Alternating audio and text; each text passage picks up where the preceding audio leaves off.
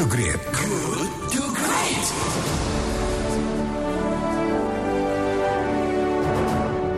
One oh seven point one Kilat FM Bandung Inspiring Sound. Terima kasih sahabat Kilat Anda masih bersama dengan kami di Good to Great because good is the enemy of great. Dan kita sudah memasuki diskusi di paruh ketiga. Dan kali ini kami mengangkat tema mengenai Indonesia diprediksi selamat dari resesi ekonomi akibat pandemi virus corona. Bagaimana menjaga peluang itu?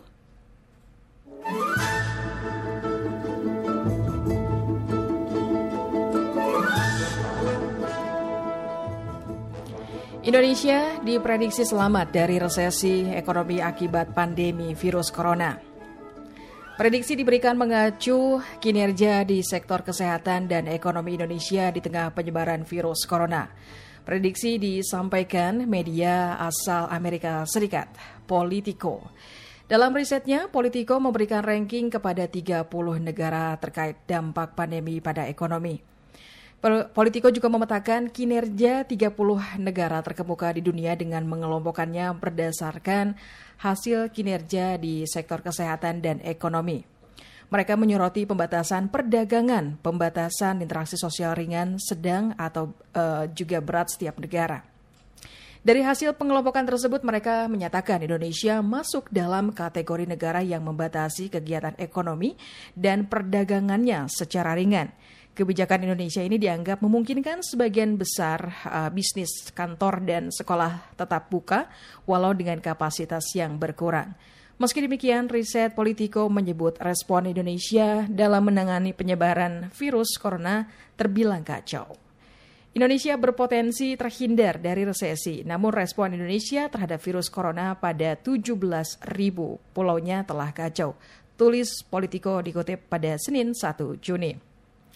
Politico juga menyoroti penanganan kasus COVID-19 yang terjadi di DKI Jakarta. Meski penyebaran virus ini tergolong masif, pemerintah hanya melakukan pembatasan aktivitas masyarakat secara ringan. Kebijakan itu dinilai mereka berpotensi meningkatkan penyebaran virus. Politico mengutip Reuters juga menyebut jika sistem pendataan kematian Indonesia akibat COVID-19 tergolong rendah. Menanggapi riset tersebut, pengamat ekonomi membenarkan jika Indonesia memiliki potensi selamat dari jurang resesi ekonomi akibat COVID-19. Hal ini mempertimbangkan realisasi pertumbuhan ekonomi pada kuartal 1 2020 yang masih positif yaitu 2,97 persen. Pengamat ekonomi Universitas Indonesia Fitra Faisal Hastiadi mengatakan, meskipun pertumbuhan ekonomi anjlok, tetapi pertumbuhan ekonomi Indonesia pada tiga bulan pertama menjadi salah satu yang terbaik dibanding sejumlah negara lain. Kalau misalnya tren seperti ini terus bisa dijaga, kita punya peluang menghindari resesi ekonomi. Nah sahabat kelet mengguna guna untuk membahas hal tersebut pagi hari ini kami menghadirkan narasumber yaitu Bapak Aku Fiarta Kartabi yang merupakan pengamat ekonomi Unpas.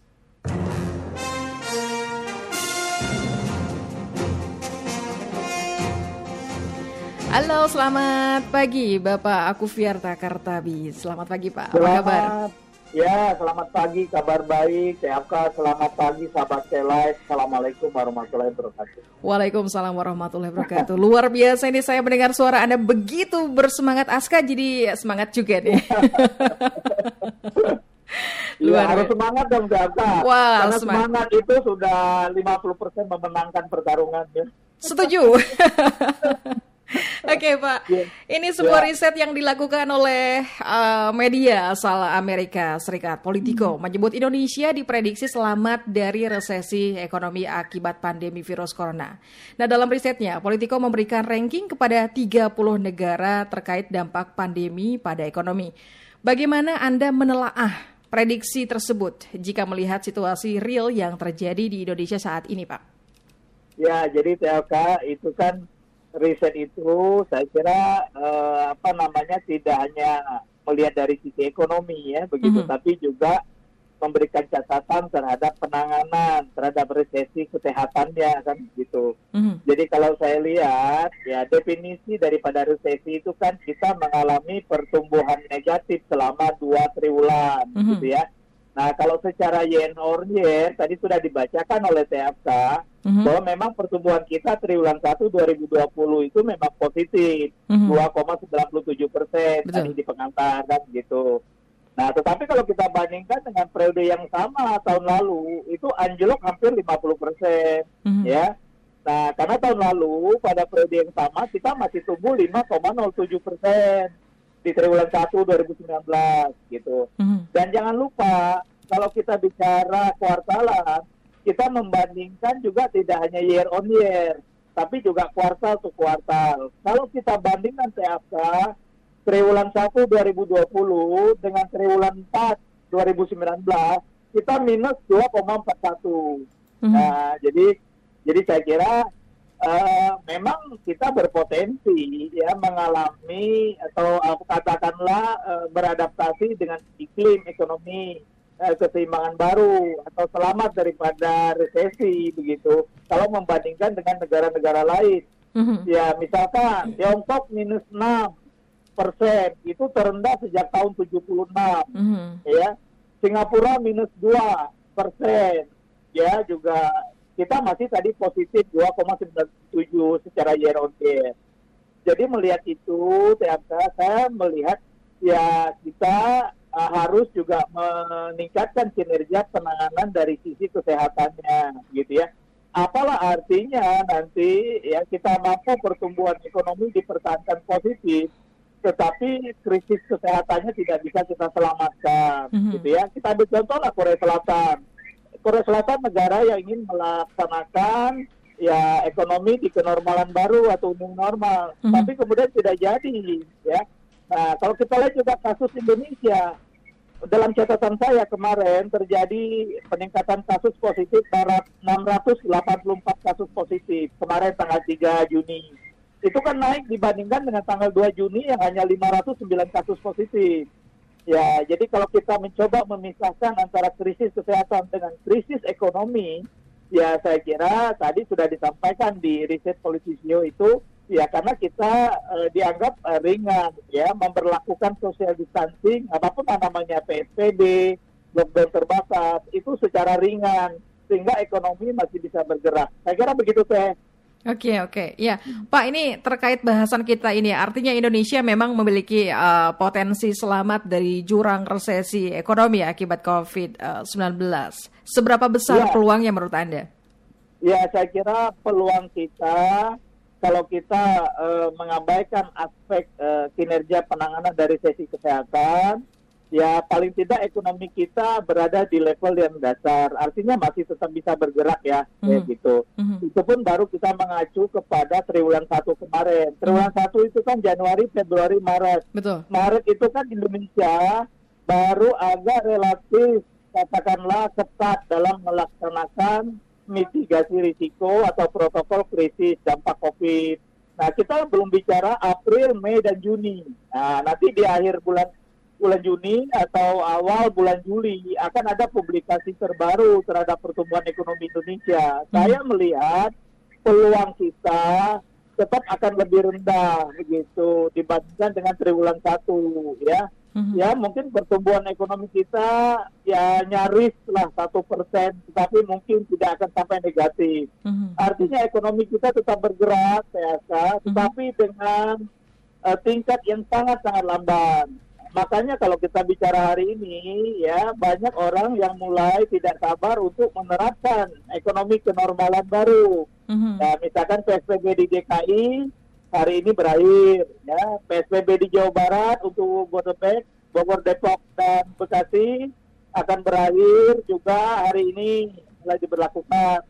Besok ya berarti kita sudah masuk ekonomi kenormalan baru asumsinya begitu. Mhm. Ya, jadi kalau bicara peluang, saya kira peluang kita ya sangat kecil, ya. Tetapi tentu kita harus optimis, paling tidak ya eh, kita tidak ter- terjebak kepada jurang yang sangat dalam lah, gitu. Baik, baik. Pak, ini uh, Politico memetakan kinerja 30 negara terkemuka di dunia dengan mengelompokkannya berdasarkan hasil uh, kinerja di sektor kesehatan dan ekonomi. Mereka menyoroti pembatasan perdagangan, pembatasan interaksi sosial ringan, sedang atau berat setiap negara. Dari hasil pengelompokan tersebut, mereka menyatakan Indonesia termasuk dalam kategori negara yang membatasi kegiatan ekonomi dan perdagangannya secara ringan. Kebijakan Indonesia ini dianggap mungkin sebagian besar bisnis, kantor, dan sekolah tetap buka walau dengan kapasitas yang berkurang. Cukup relevankah faktor-faktor ini sebagai upaya mengantisipasi resesi ekonomi ke depan, Pak? Ya, saya kira cukup relevan karena meskipun secara ringan, THK bahwa ekonomi kan masih tetap bisa bergerak. Makanya kita masih bisa bertahan di 2,97 persen tadi di triwulan satu. Mm-hmm. Lain halnya kalau kita ketat gitu. Dan saya bisa memaknai itu bahwa memang ekonomi kita dicoba untuk dilonggarkan ya dengan asumsi juga tanpa mengabaikan aspek mitigasi risiko terhadap protokol kesehatannya gitu. Jadi kalau kita bicara kata longgar, ya itulah longgar itulah yang menyebabkan ekonomi kita bisa selamat daripada hmm. krisis gitu. Tetapi ya kita kan berpikir itu dalam jangka pendek. Saya saya yakin riset Politisio itu ya hmm. ya rentang waktunya mungkin antara 3 sampai 4 bulan di awal tahun begitu. Akan lain ceritanya kalau kita melihat itu nanti kondisi di bulan Juli. Ya. Yeah, yeah. Oleh hmm. karena itu yang paling penting untuk membuktikan riset polisio itu betul atau tidak, makanya pemerintah, masyarakat, siapa pun harus mematuhi protokol kesehatan. Sehingga apa? Ekonomi bisa tetap bergerak dan kita selamat dari pandemi kesehatan. Saya kira concern saya lebih banyak ke situ. Karena apa artinya lah pertumbuhan ekonomi bergerak lambat, ya tetapi ya eh, apa namanya krisis kesehatan kita nggak bisa ditanggulangi dan hmm. itu akan menimbulkan kerusakan lebih jangka panjang daripada pertimbangan-pertimbangan ekonomi jangka pendek deh. Hmm. Oke, okay. ya lantas uh, apa masukan Anda untuk menyambut ekonomi kenormalan baru ini untuk masukan-masukannya untuk pemerintah, Pak? Karena satu sisi uh, kita untuk uh, apa ya, kalau di negara lain kan uh, ketat sekali ya, Pak ya untuk protokol kesehatannya hingga Betul. lockdown. Nah ini masukan-masukan dari Anda bagaimana, Pak, untuk pemerintah? Ya, jadi masukan saya segera alat rapid test itu disiapkan untuk sektor usaha di pasok. Saya mendapat laporan dari asosiasi usaha itu rapid test untuk tenaga kerja yang akan masuk itu sangat sulit didapat dan harganya mahal itu satu. Yang kemudian saya kira pemerintah menyiapkan protokol krisis ya termasuk juga SOP di dalam lingkungan industri maupun sektor usaha itu detail. Jadi bagaimana tata cara bertransaksi di mall kalau dibuka, bagaimana protokol krisis perkantoran, bagaimana protokol krisis untuk di sektor industri semua harus disiapkan dan harus diawasi dengan ketat.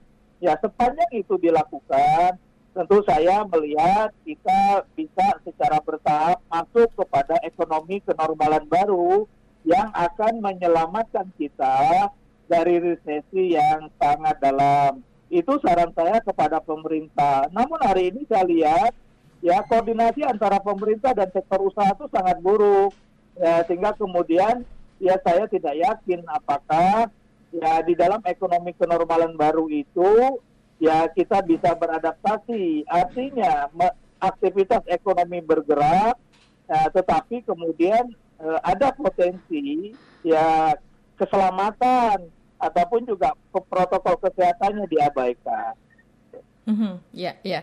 Baik Pak, yang terakhir ini terkait bahasan kita di pagi hari ini, ini tentunya kabar e, menggembirakan dan kita berharap ini tak sebatas prediksi, namun betul-betul terwujud. Nah, bagaimana menjaga peluang itu dengan berbagai tantangan dan kendala yang kita hadapi saat ini, Pak? Ya, jadi saya kira para pelaku usaha itu harus serius karena kan ekonomi ini kita digerakkan oleh sektor usaha begitu.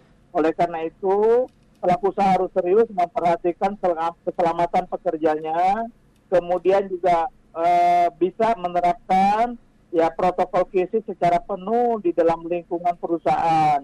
Oleh karena itu nanti ekonomi bisa bergerak dan tenaga kerja kita bisa kembali bekerja. Di Jawa Barat saja sudah 68 ribu yang dirumahkan sampai hmm. akhir akhir April kemarin.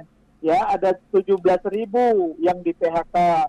Nah kita tidak berharap bahwa itu semakin lama semakin meningkat. Oleh karena itu, mangga sektor usaha supaya itu bisa beraktivitas kembali, tapi tolong jangan lupakan ya keselamatan daripada pekerja. Inti di dalam ekonomi agar kita bisa selamat, ya Mhm. sebenarnya sederhana ya.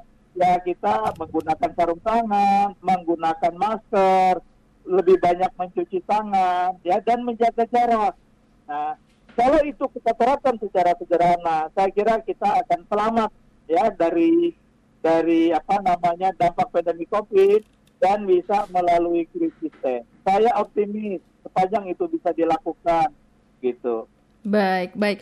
Pak Akufiarto, terima kasih untuk obrolannya di pagi hari ini. Ini menambah informasi baru bagi kami. Mudah-mudahan eh, ini terus berkembang perekonomian Indonesia ya, meskipun di tengah pandemi Amin, corona. Mudah-mudahan. Itu harapan kita semua teh. Ya. Ya, baik. Terima kasih Pak. Selamat pagi, sukses untuk Selamat Anda. pagi ya. Sama-sama. Ya demikian sahabat kelet perbincangan kita bersama dengan narasumber Bapak Akufiarta Kartabi yang merupakan pengamat ekonomi UNPAS. This is Light FM. Bandung.